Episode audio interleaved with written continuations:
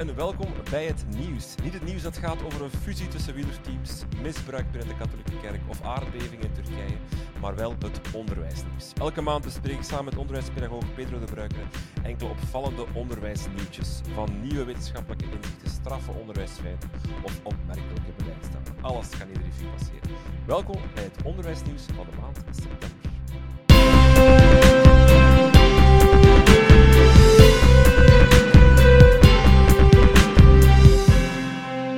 Dag Pedro. Dag Rinke. Alles We hebben de goed? start overleefd. We hebben de start samen overleefd.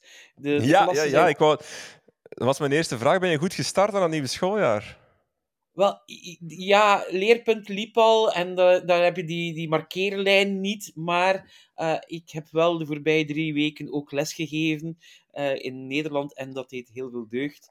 Ehm, nieuwe studenten zien, ondertussen ook studenten die opgestart zijn met scripties. Dus ja, de start. ik ben zo blij dat ik nog de luxe heb om naast al het andere werk nog studenten te kunnen zien.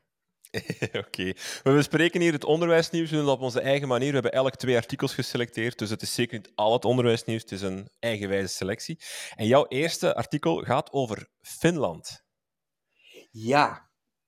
En nu denk je van, Ehm. ah, nu, nu, nu zijn mensen aan het twijfelen. Wat zijn nu de twee mogelijkheden? Gaat hij Finland bashen of gaat hij Finland verheerlijken? Ja. En het antwoord is, ik ga gewoon zeggen wat Finland zelf zegt. ja. Want ehm, het is een rapport, niet van in september, maar het is pas in september beginnen leven online. En ik had het ook niet gelezen. Mijn Fins is ook een beetje roestig, moet ik eerlijk bekennen. Ehm, maar het is een rapport dat Finland zelf, de overheid zelf, be- eh, besteld had. En waarbij een analyse gebeurde van ehm, de voorbije 15 jaar. Nu was er Mhm. de voorbije 15 jaar gebeurd in de rest van de wereld over Finland. Ja, er zijn hele vliegtuigen naar Finland gegaan om te kijken hoe het wonderland van het onderwijs zich gedroeg. Er kwam een boek van Passi Salberg, Finse lessen. eh, zo moet je het onderwijs aanpakken en dan word je ook de top van PISA. Nu, PISA Wij hebben zelfs een podcast met Buiten de Krijtlijnen over het Finse onderwijs gemaakt in ons eerste of tweede jaar, denk ik. Dus ook, ja, Ja. ook wij waren mee met de, met de hype. En het rapport zegt nu, hoe komt het dan de voorbije 15 jaar het onderwijs om, zo- om zeep geholpen hebben? Ja.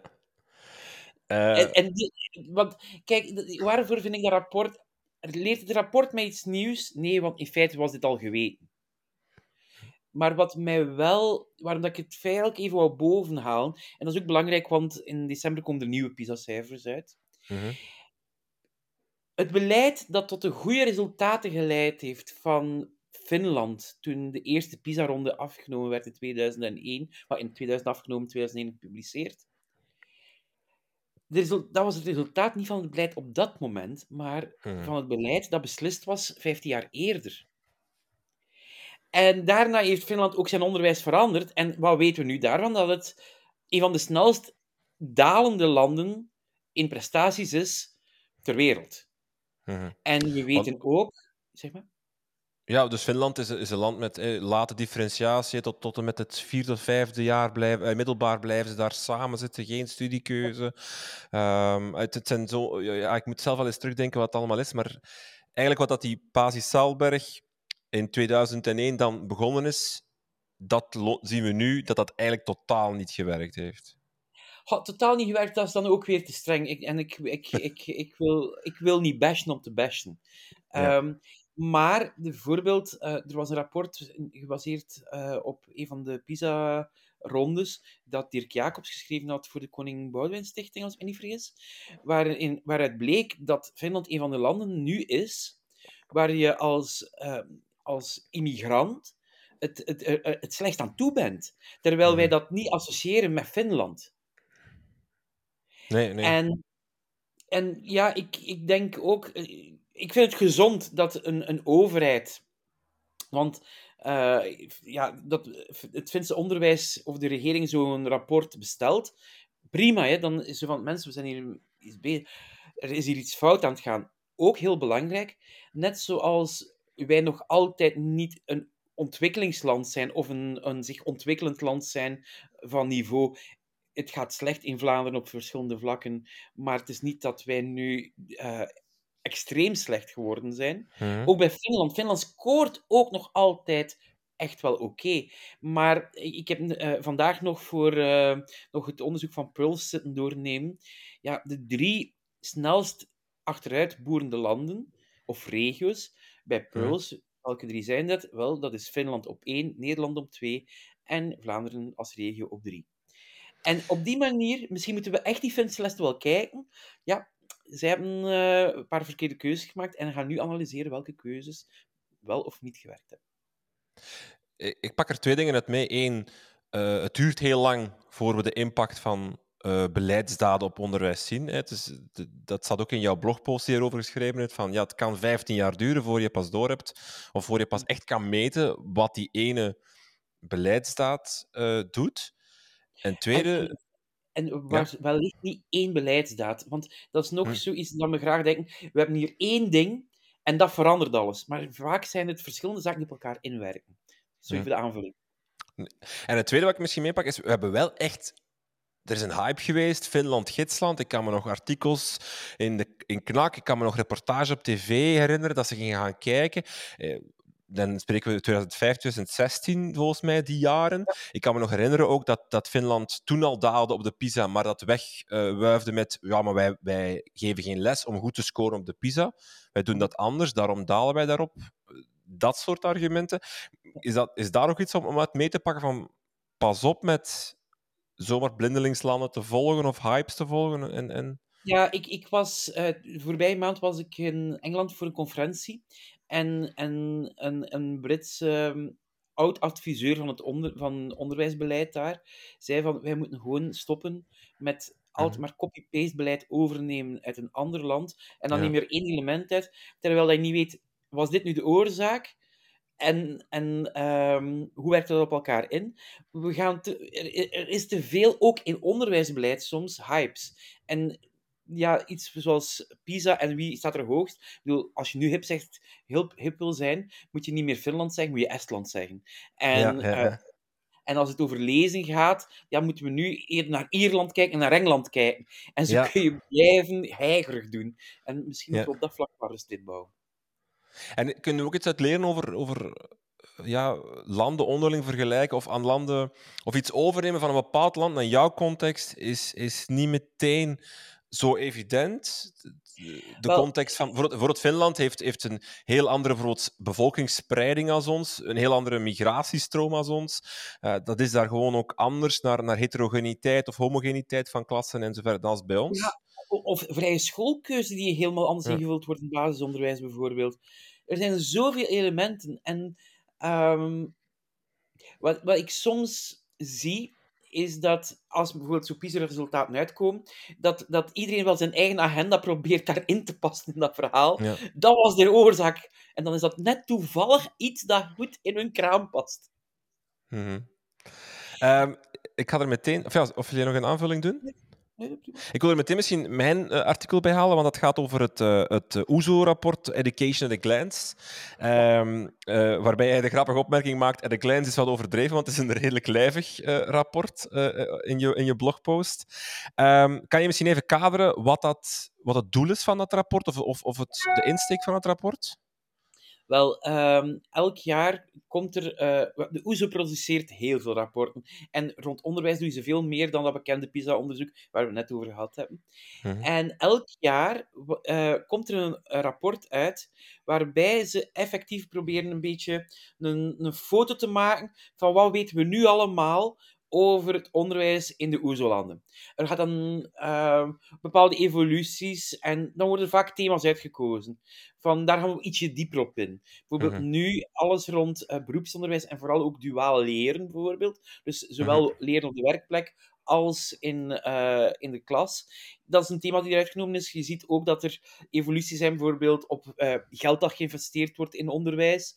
Natuurlijk wordt er ook nog gekeken naar de naween van COVID. En als je een beetje de, de, de OESO-productie van rapporten volgt en het onderwijsnieuws volgt, is het vooral een goede samenvatting van het voorbije jaar. Ja. Voor jou zat er niets nieuws in? Of niets van waar je van je stoel valt? Eh, goh, m- minder aan de andere kant, uh, bijvoorbeeld de, de grote verschillen. Ik kan er één ding uitnemen. Uh, dat, dat mij heel erg deprimeerde. We zitten in heel veel landen met een leraartekort. Hmm. En als je dan ziet in, in hoeveel landen de job van leerkracht, terwijl dat ze geen leerkracht vindt, terwijl dat ze onderwijs hebben dat niet goed functioneert, maar die leerkrachten dan een, een fair loon betalen, dat is dus dan ook geen optie. Ja, daar bloedt mijn hart echt van. Uh, Hier in Vlaanderen uh, valt dit relatief mee. Uh, maar op andere plekken ja, valt dat dus extreem dik tegen. En soms ook zelfs in regio's dat je het niet van verwacht. Dat was een van de elementen. Tot 30% minder, minder loon krijgt een leerkracht met een gelijkwaardig diploma. Hè. Dat is inderdaad een ongelooflijk cijfer. Hè. Er zat ook wel iets, een, een, correctie op mijn denken in. Kijk, als wij het over duaal leren hebben, een van de gidslanden, en daar zijn we weer met die landenvergelijking, maar een van de gidslanden is, uh, is Duitsland. Uh, Duitsland uh, is een soort van, ja, omdat daar dat duaal leren behoorlijk goed functioneert. Um, maar als je dan gaat kijken naar hoe dat die integratie van duaal leren echt ten volle, dan zie je dat, dat in verschillende Scandinavische landen, waar ik het niet mee associeer, dat dat feitelijk hm. nog meer ingeburgerd is. Dat was voor mij iets van, oké, als ik ooit eens vijf minuten tijd heb, wil ik me daar wel even verdiepen, want dit was iets dat ik blijkbaar over het hoofd gezien had.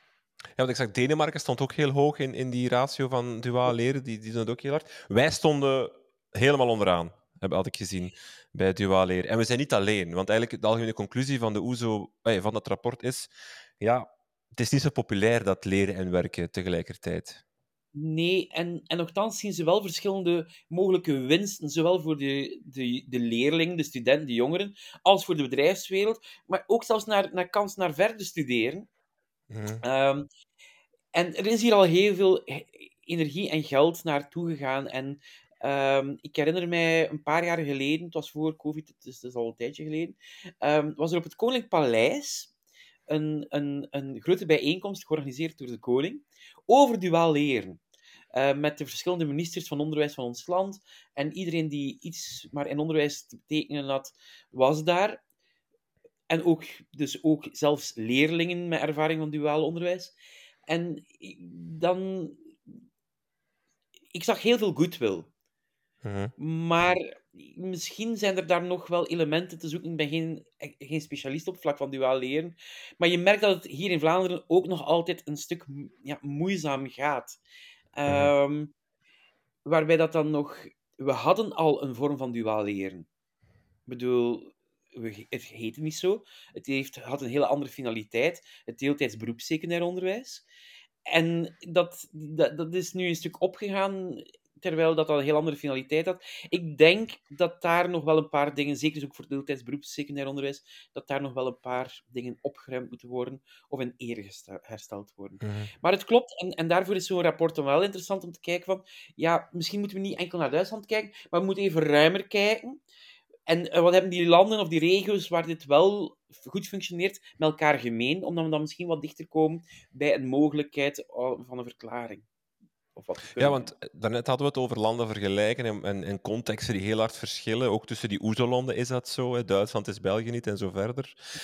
Maar is dat toch wel wat je kan doen dan? dan leren van, oei, we staan niet alleen in bijvoorbeeld het, de moeilijkheid van duaal leren. Dat is eigenlijk in veel landen een probleem, dus we moeten misschien eens gaan kijken, toch gaan kijken bij anderen, wat maakt bij hen dan een succes?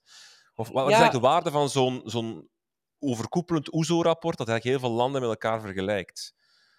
Wel, um, je hebt het nu over een van mijn lievelingsvakken. Toen ik student was, en ik mag het dit jaar voor de eerste keer ook zelf geven.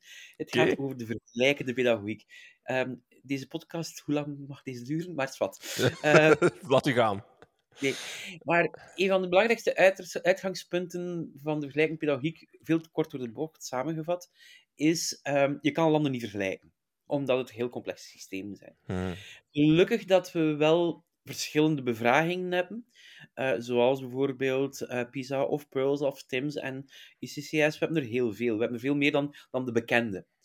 Um, maar we hebben ook bijvoorbeeld Eurydice. En dat is iets dat weinig mensen kennen. Ik weet niet of je dat al tegenkomt. Nee.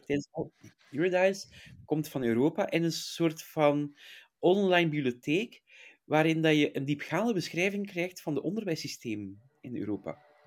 Waarbij je echt kan zien, bijvoorbeeld, hoe zit dat nu met... Hoeveel geld wordt eraan besteed? Eh, hoe zit het met de leerplicht? Maar heel veel. Eh, ook als Pearls uitkomt, maken die een gelijkaardige bibliotheek, waarin dat ze in feite hetzelfde doen, maar met andere nadruk. Maar zulke zaken moet je gaan combineren. Je moet in feite gaan kijken van, ja, al die zaken, hoe werkt dat op elkaar in? Wat weten we daarover? En dan moet je in feite voorleer dat je een, een uitspraak doet over, kijk, dat land heeft dat gedaan. En misschien hebben die drie landen dat gedaan en dat heeft dat opgeleverd. Ja, oké. Maar in welke omstandigheden? Je moet dan echt proberen die onderwijssysteem te doorgronden, te gaan begrijpen. En eerlijk waar, dat is fascinerend. Dat is uh, uitputtend soms, maar zeer fascinerend. Om op die manier een mogelijke, ja, een mogelijke opstap naar inspiratie gaan te krijgen. Maar dan is het ook wel belangrijk dat je het eigen onderwijssysteem ook wel goed, kijkt, goed kent. Hmm. Um, want ja, bijvoorbeeld, ik herinner mij een, een, een, discussie die we hadden na een zoveelste PISA-ronde. Ja, in Duitsland heeft men dat gedaan en men heeft enorm vooruit gegaan. Oké. Maar je vergeleek dan een land die bij wijze van spreken 5 op 10 had, en die nu van 5 op 10 naar 7 op 10 ging, terwijl Mhm. wij op dat moment nog een 8 op 10 waren. Mhm. Ja, maar sorry, om van een 8 op 10 naar een 9 op 10 te gaan, moet je iets anders doen, waarschijnlijk, dan een land die van 5 naar 7 gaat. Ja, ja, ja. Dus ja, die complexiteit eh, is boeiend, maar het jammere is dat het heel vaak, en, en vooral duidelijkheid, dat is een fout die wetenschappers vaak niet maken hoor. Ik bedoel, eh, geen slecht woord naar, naar de vele mensen die met die analyse bezig zijn en die daar commentaar op geven. En, ehm, maar we zijn soms geneigd om gemakkelijke oplossingen te vinden voor problemen. Ja. En, Dat is ook eh, het, het, het helderste of zo, hè, en het handigste natuurlijk. Hè. Een, een, quick, een quick win of een quick fix is natuurlijk vele Ja. malen gemakkelijker dan, een, dan een, een diepgaande, complexe analyse die geen eenduidig antwoord zou geven. Wat, meer, Klopt. wat het vaker zal zijn, natuurlijk. ja, ik weet het, het is gewoon niet sexy, maar het is wel belangrijk. Ik wil nog even over die verloning van die leerkrachten. Is er eigenlijk onderzoek naar... Ik hoor, bijvoorbeeld in, in het kader van het leraarakkoord hoor ik soms ook wel het argument we moeten gewoon die leerkrachten een serieuze loonopslag geven. Hopla. 300 euro per maand erbij, bij wijze van spreken. En dat zal hier snel opgelost zijn met dat lerarentekort. Is er eigenlijk onderzoek dat aantoont van ja, inderdaad, dat is een motivator voor leerkrachten om in het on- of voor mensen om in het onderwijs te starten? Of, of Maar geld niet? is Dat kan- belangrijk. Nee, vooral duidelijkheid, geld is belangrijk eh, zolang dat je er je zorgen over maakt. Ehm, en eh, ik zag een algemeen onderzoek passeren. eh, ik moet nog eventjes opzoeken. ehm, ik moet het terug bovenhalen, want ik heb het voor iets anders nodig de komende week. Ehm, maar dat een, een eenvoudige raise, een, een, een, een, een loonsverhoging van 10%, een job aantrekkelijker kon maken. Mhm. Aan de andere kant, bijvoorbeeld in Vlaanderen, relatief gesproken zijn die lonen niet zo slecht. Mhm. Eh, ik, bedoel, ik ga niet zeggen dat er niet meer bij mag, ik kan mij niet moeien in dergelijke discussie. Maar als je gaat vergelijken, eh, in Nederland komt men nu pas dat eh, leerkrachten in het basisonderwijs en in het secundair onderwijs hetzelfde gaan verdienen. De- Hmm. Daar zitten wij al twintig jaar verder. Hè? Mhm. Dus... Ja. Ik, zou, want ik, ik hoor in, in heel die discussie, als ik met collega's praat of als ik, als ik met mensen praat over waarom is de job zwaar, het argument ik verdien te weinig of ik vind het eh, ratio werklast-loon niet correct, dat hoor ik heel zelden. Ik, ik geloof daar zo in dat een loonsverhoging ervoor zal zorgen dat één, mensen langer in het onderwijs blijven of twee, dat er meer mensen in het onderwijs zullen stappen. Omdat het toch... Ik denk dat de oorzaken anders liggen. Ja, ik denk dat het voor bepaalde zaken misschien wel kan helpen. En ik ben op dat vlak van mening veranderd, moet ik eerlijk bekennen. Ehm, eh, ik denk dat bijvoorbeeld mensen die ah, in bepaalde eh, steden wonen. We hebben bijvoorbeeld in Brussel hebben een gigantisch tekort. Hm. Maar wat is ook een, een, een probleem? Veel mensen die in, in Brussel lesgeven, wonen niet in Brussel. Ja. Omdat het daar zo duur is. Ja. duur is of andere redenen. En dat daar dan een soort van woonbonus kan ingevoerd worden. ik was daar vroeger een coole minnaar van, maar ja, gaan mensen dan om de juiste redenen? Maar eh, eh, de cost of living, de, de levensduur, kan ook wel op dat vlak anders zijn. En dan merk je dat, dat ehm, een, een onderzoek dat ik ooit zien passeren heb, weet je wat dat veel leerkrachten in Londen met elkaar gemeen hebben? Nee. Een rijke partner. ja, dat kan ik geloven als je in Londen wil wonen, natuurlijk. Dan, dan moet je. En, en, ja, en dan zie je ook dat die, die, bijvoorbeeld in steden zoals Amsterdam, dat het gewoon heel duur is voor, voor leerkrachten om nog in zo'n stad te wonen. En dan zit je wel met een essentieel probleem. Ja. Ja, zeker als je dan een stedelijke cultuur ook in je, in je onderwijs wil hebben, of je wil de stad ook voelen en ademen in je lessen, bij wijze van spreken, wat toch ook hè, voor die jongeren die er dan in wonen belangrijk is, ja, dan moet je ook leerkrachten hebben die in die stad wonen natuurlijk, ja, inderdaad. Ja. Dus ik, ik, ik, ben, ja, ik ben weer waarschijnlijk veel te genuanceerd. Uh, maar ik denk dat in bepaalde regio's en landen kan ik mij perfect inbeelden dat het effectief een belangrijk thema is. Ik heb zelf uh, meegemaakt, um, het was puur toeval waarschijnlijk, maar ik uh, was voor, uh, ik gaf een week les in de Verenigde Staten op een, in een summer course. En ik heb daar een paar keer Uber genomen. En elke chauffeur die ik had, was een leerkracht die het deed om bij te verdienen om rond te komen. Goh, ja. en dan dacht ik van, nou, mensen, hier zit, hier zit mijn probleem. Ja, ja, ja. ja. Um, jouw, uh, jouw volgende artikel is uh, ook eentje met, met een, ja, een heel wel, mindere ondertoon, of toch eentje waar we ons echt zorgen over moeten maken. Uh, waarom voelen jongeren zich zo slecht? Wat de titel van jouw blogpost. En eigenlijk het, de aanleiding is het nieuws, het feit dat 60% meer antidepressiva wordt geslikt door jongeren sinds 2018. Dus op een goede vijf jaar tijd is dat met 60% toegenomen. Um, hoe komt dit, is dan de vraag die daar die daar direct bij, allee, bij komt. Waar jij ook op proberen hebt een antwoord op te geven in die blogpost. Ja, en, en vooral ook duidelijk maken dat het heel moeilijk te onderzoeken is. Um, Het is weer een voorbeeld van causaliteit en correlatie. We kunnen wel correlaties zien. En bijvoorbeeld iets, in de Angels, iets dat in de Anglo-Saxische wereld op dit moment heel veel opgang maakt, is, ja, het is bij jongeren slechter en slechter beginnen gaan, al voor COVID, maar het ging toevallig gepaard met de invoering van dit toestel hier, de smartphone. En sociale media. En op het moment dat dat heel erg doorgebroken is, zie je dat het steeds meer slecht is beginnen gaan met jongeren. En dat is een voorbeeld van een correlatie. Mhm. Maar, we hebben ook Kan je misschien even nog het, het uh, verschil correlatie-causaliteit even uitleggen voor de luisteraar? Correlatie is, zijn twee dingen die samen voorkomen. En er, wat gesuggereerd wordt, is dat um, die twee dingen samen voorkomen en dat bijvoorbeeld, dat is een correlatie, maar dat het ene, sociale media en, en smartphone, dat dat de oorzaak is, dat is een kausaal verband, van die jongeren voelen zich slechter. Hmm. Nu, dat op hetzelfde moment een economische crisis doorbrak, ja, dat kan ook wel meegespeeld hebben, maar dat wordt dan eventjes vergeten. En wat hier nu een uitdaging is, is het is heel moeilijk te onderzoeken van kausaal verband. We kunnen moeilijk mensen bijvoorbeeld uh, drie jaar lang verbieden om een smartphone te gebruiken en dan kijken wat het effect is.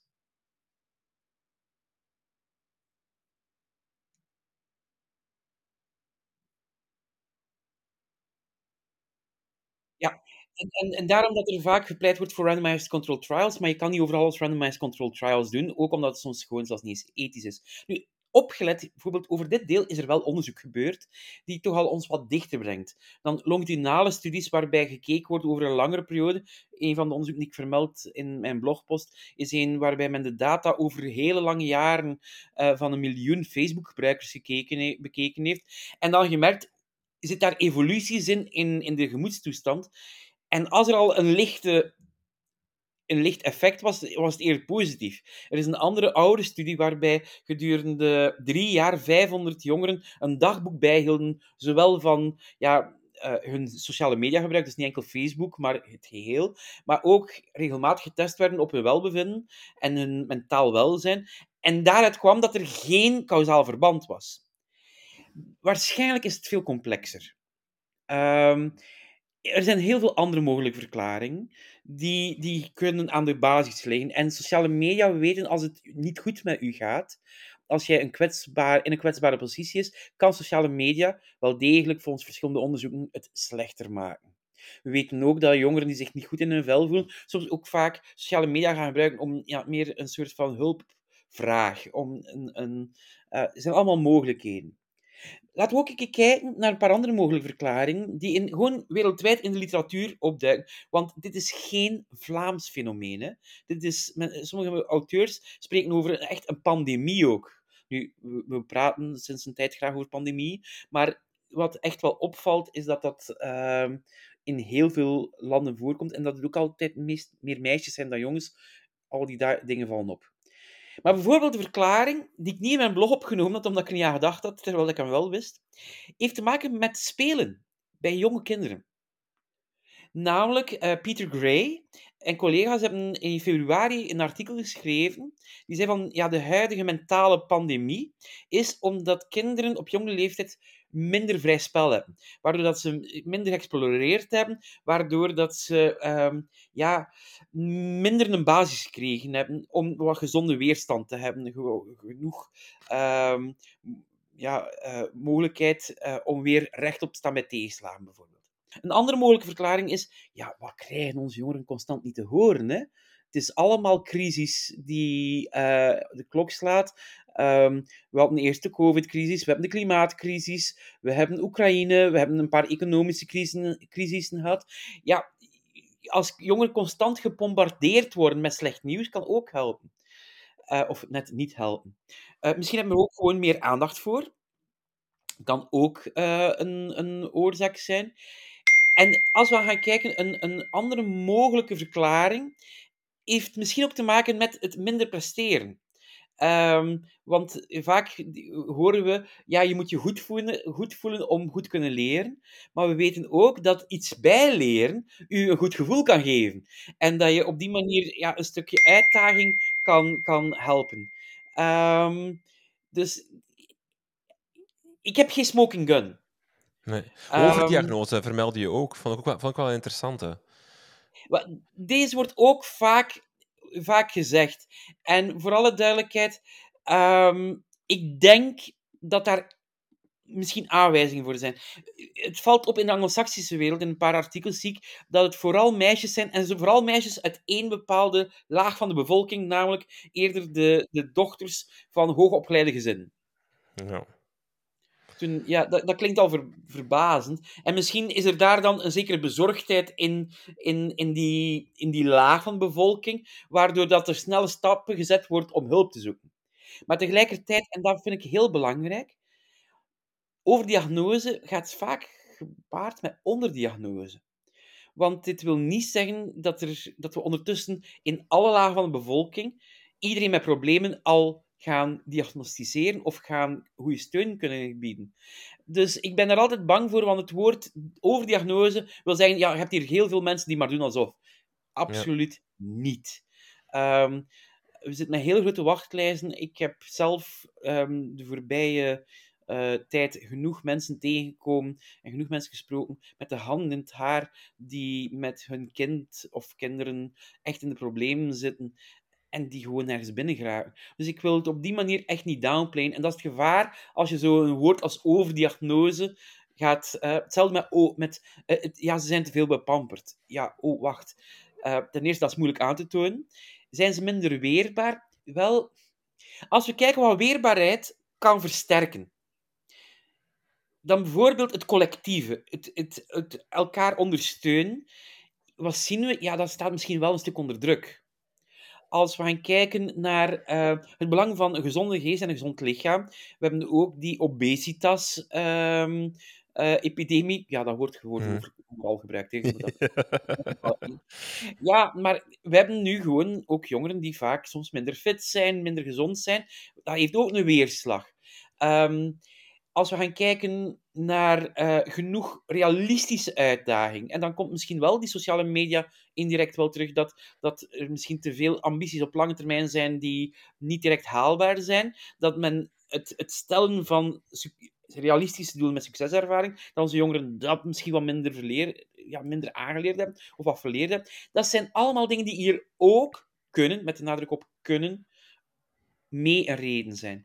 Um, maar weet je wat de belangrijkste conclusie is voor mij? We moeten er iets aan doen. Ik Hm. bedoel, Ja. ehm, als wij eh, op dit moment dergelijke toestanden hebben, ehm, dan moeten wij er zijn voor onze jongeren. Maar, en nu, gaat er, nu komt er misschien een twist die mensen niet gaan verwachten. Als ik kijk naar wat onderwijs kan doen, ja, omdat we vaak gedacht hebben, welbevinden leidt tot leren, en dat we die omkering weten dat het in feite in de twee richtingen gaat en dat er zelfs misschien eh, een kans zit om aan dat welbevinden te werken via het leren, via succeservaring, eh, denk ik dat het een interessante piste is om in plaats van desnoods heel veel programma's over het onderwijs te gieten, waarvan dan we ook soms niet altijd weten of ze werken, sommigen wel, sommigen niet, sommigen weten we het gewoon niet. Ehm, ik denk, wat, waar wij goed in zijn in onderwijs, is mensen iets bijbrengen. En mensen een succeservaring daarvan meegeven. En ik denk dat we dat ook moeten koesteren. Opgelet, voor sommige kinderen, eh, als z- met een zware depressie bent, zit, als je geen welbevinden hebt, dan zal dat leren niet lukken. Dan is iets anders nodig. Maar ik, ik denk dat, dat we niet mogen vergeten dat succeservaring op het vlak van leren, dat dit ook dat welbevinden een stuk mee kan helpen. Maar dat er meer nodig is, daar ben ik ook van overtuigd. Mhm. Oké. Mijn laatste artikel, dan komen we ook weer in de correlatie-causaliteitssfeer, want dat was mijn eerste vraag. Eh, De titel, het is een- artikel uit de Standaard. Leerlingen Latijn doen het beter in hoger onderwijs. Maar liefst 61% van de afgestudeerden in de richting Grieks wiskunde behaalt binnen de drie jaar zijn bachelordiploma. Latijn-wiskunde volgt met eh, 53% slaagpercentage. Eh, groot nieuws, maar mijn eerste vraag is, is dit een correlatie of een causaliteit? Het is eh, waarschijnlijk een correlatie. Ehm, veel mensen hopen op een causaliteit. Nu, in dit geval eh, is het ook niet zo evident om uit dat soort onderzoek, uit die data, causaliteit vast te stellen. Dus wat het onderzoek vooral toont, is een correlatie. En de onderzoekers hebben ook nog wel iets extra gedaan. Want ze hebben ook een intelligentietest afgenomen. En wat zien we? Dat mensen die een hogere intelligentie hebben ook vaak dergelijke richting kiezen. En ja, voordat je zegt van, oké, dan is het duidelijk een correlatie. Uh, ja, maar bij intelligentie mag je één ding niet vergeten. Mensen hebben heel vaak het idee dat intelligentie per definitie aangeboren is. En zo eenvoudig is het ook weer niet. Um, we weten, er is tweelingenonderzoek, en daar kunnen we wel uh, van weten of er een oorzaak en een, een, uh, of een correlatie is. Maar wat zien we? Als je één-eigen tweeling vergelijkt met twee-eigen tweeling, de een heeft de, hetzelfde DNA, de andere verschilt, zitten in dezelfde omgeving, je kan daar heel veel interessante onderzoek mee doen, zien we dat ja, er is een sterke genetische basis voor intelligentie, maar het is geen 100%. Dus er zijn ook andere elementen die daarop inspelen. En bijvoorbeeld, we weten dat een, een, een uh, jaar scholing, dus een jaar naar school gaan, uw IQ gemiddeld met anderhalf punt doet stijgen. En armoede doet zakken tot maar echt met heel veel. Of, dat, dat is ook een onderzoek naar, hè? Ja, ja je, verwijst, je verwijst nu naar uh, uw zorgen maken, vermoed ik dat je daar naar verwijst. Ja. Uh, het onderzoek van, Mulenaiten en Shafir, uh, daardoor in ons taalgebied door Rutger Brechtman een beetje gepopulariseerd is, met waarom ja. arme mensen domme dingen doen. Ja, Als jij je zorgen maakt, ja, vooral duidelijk, mensen, we hebben dat niet voorbereid, hè, maar... ja, ja. uh, ja, want dit klonk als een 1 2 ja, ja, ja. Nee, maar als we kijken naar uh, dat onderzoek, als jij je zorgen maakt, dan kan je IQ, volgens dat onderzoek, en ze hebben zowel gekeken als India als in de Verenigde Staten, met een 13 punten zakken. Ja, maar ook IQ dat kan terugkomen. Nu, er is nog erger nieuws, uh, mm-hmm. namelijk uh, als jonge kinderen in een hele stress volle omgeving opgroeien, dan kan dit ook een zeer negatief effect hebben op de cognitieve ontwikkeling en intelligentie. Dus we hebben nu voorbeelden van positief en negatief, waarbij we weten dat de omgeving op intelligentie een tijdelijke, bijvoorbeeld het onderzoek van Milnight en Shafir was een tijdelijk, uh, uh-huh. onderwijs is eerder een, een positief effect, ietsje blijvender. Um, wel, dat dat um, een rol kan spelen. En misschien is het wel zo dat die uh, jongeren in die richting meer uitgedaagd worden. En we weten dat uitdaging en succeservaring um, ook wel mee een oorzaak kan zijn van meer leren en nog sneller vooruitgaan.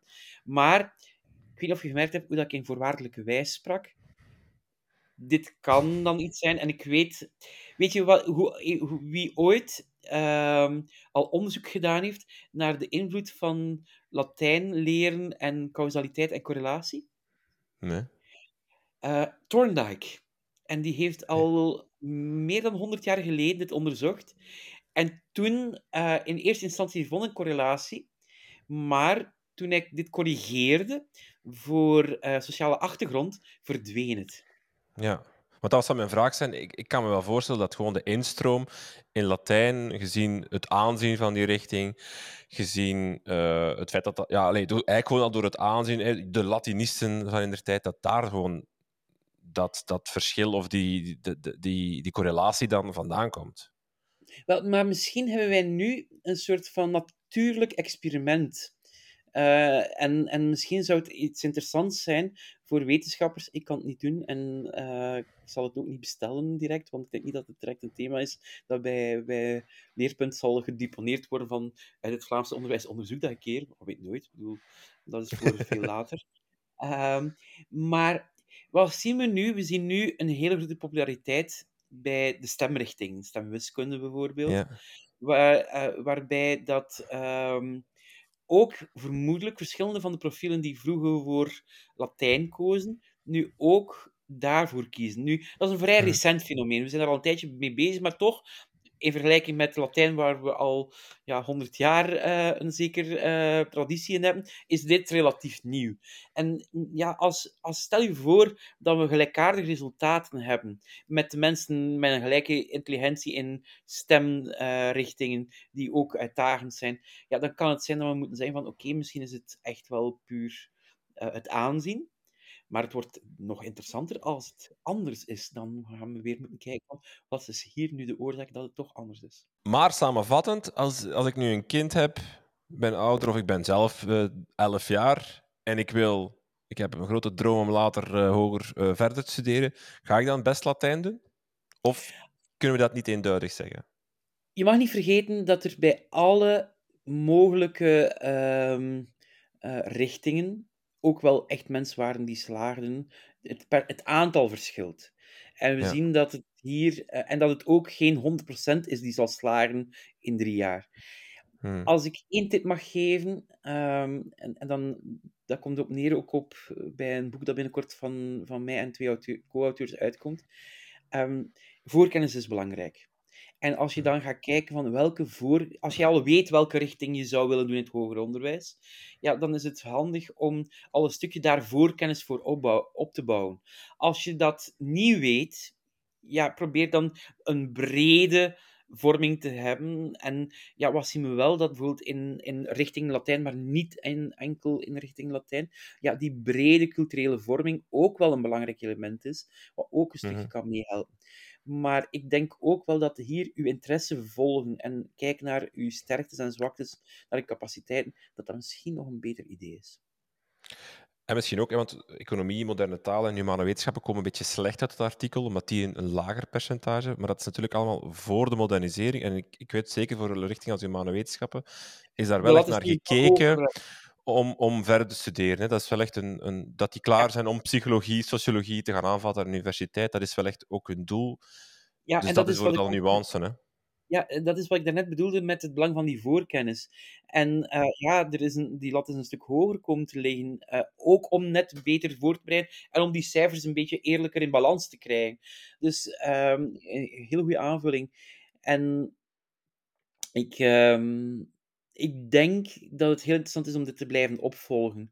Ehm, je mag ook niet vergeten dat als we gaan kijken naar al die verschillende richtingen, al die verschillende mogelijkheden, ehm, wat we nu ook zien, en dat misschien ook nog een rol speelt, is dat we in een regio zitten die pas vrij recent naar oriëntering echt inspanning doet. Van ervoor zorgen dat mensen op de juiste plek komen. En hier is de maatstaf binnen de drie jaar. Maar het kan ook zijn dat mensen gewoon er langer over doen, omdat ze merken van, ik zit niet in de juiste richting. En ik denk, ik hoop met alle inspanning, met, met de testen die nu gedaan worden, met het aanbod naar betere oriëntering, hoop ik dat dit ook gaat helpen. En dat werd een beetje in de berichtgeving, vond ik wel onderbelicht, die, het belang van die oriëntering. Uh, je hebt dan dat artikel in de standaard van de Lat Latinisten doen het beter. En daaronder heb je dan zo, wordt er dan eh, artikels gesuggereerd. En daar stond het artikel bij dat denk ik vorig jaar of twee jaar geleden verschenen is, dat Artevelde stopt met zijn uh, lerarenopleiding Latijn aan te bieden. Dus dat er geen bachelors Latijn meer zijn, want ze waren ook de laatste. Is dat ook een indicatie dat Latijn tanende is in het secundair onderwijs? Of hebben we daar eigenlijk geen bewijs van dat dat aantal leerlingen terugloopt? Of, of heb jij daar geen, op dit moment geen weet van? Ik weet waarom dat dergelijk... Artevelde was een van de laatste bacheloropleidingen die dat aanbood. En er is ook altijd een discussie geweest uh, of dat in een bacheloropleiding moest aangeboden worden, al dan niet. Dus dat zit er ook wel bij. En het, het, weet je, wat mensen niet beseffen, is dat lerarenopleidingen enorm dure opleidingen zijn. En dat je een, een bepaalde kritische massa nodig hebt om een, een, een vak in te richten. Uh, omdat anders andere vakken eh, dat ook moeten sponsoren. Uh, ja, omdat ja, het moet betaald worden. Hè. Um, en ik denk dat daar zeker een economische logica gespeeld heeft. En dat heeft dan niet zozeer te maken met het is talent, maar ja, als je ziet wat we de voorbije jaren meegemaakt hebben met een achteruitgang, het wordt nu een stukje gecompenseerd van inschrijving in de lerarenopleiding, ja, dan staan lerarenopleidingen onder druk. Je hebt heel het verhaal dat ook de voorbije maand heel veel in de aandacht gekomen is over de financiering van het hoger onderwijs. Uh, er is nu net beslist dat er ook wel wat meer geld naar de lerarenopleiding gaat gaan, omdat die onder druk komen te staan. En ik denk dat dit meer een illustratie daarvan is, dan dat dan bewijs is van, ja, Latijn is talende. Hmm, Oké. We zijn er door. Dit was het onderwijsnieuws van de maand september. Pedro, heel veel dank. Uh, en ik wens jou een uh, fijne maand oktober toe en dan zien we elkaar terug. Binnen maand. Dank voor het luisteren.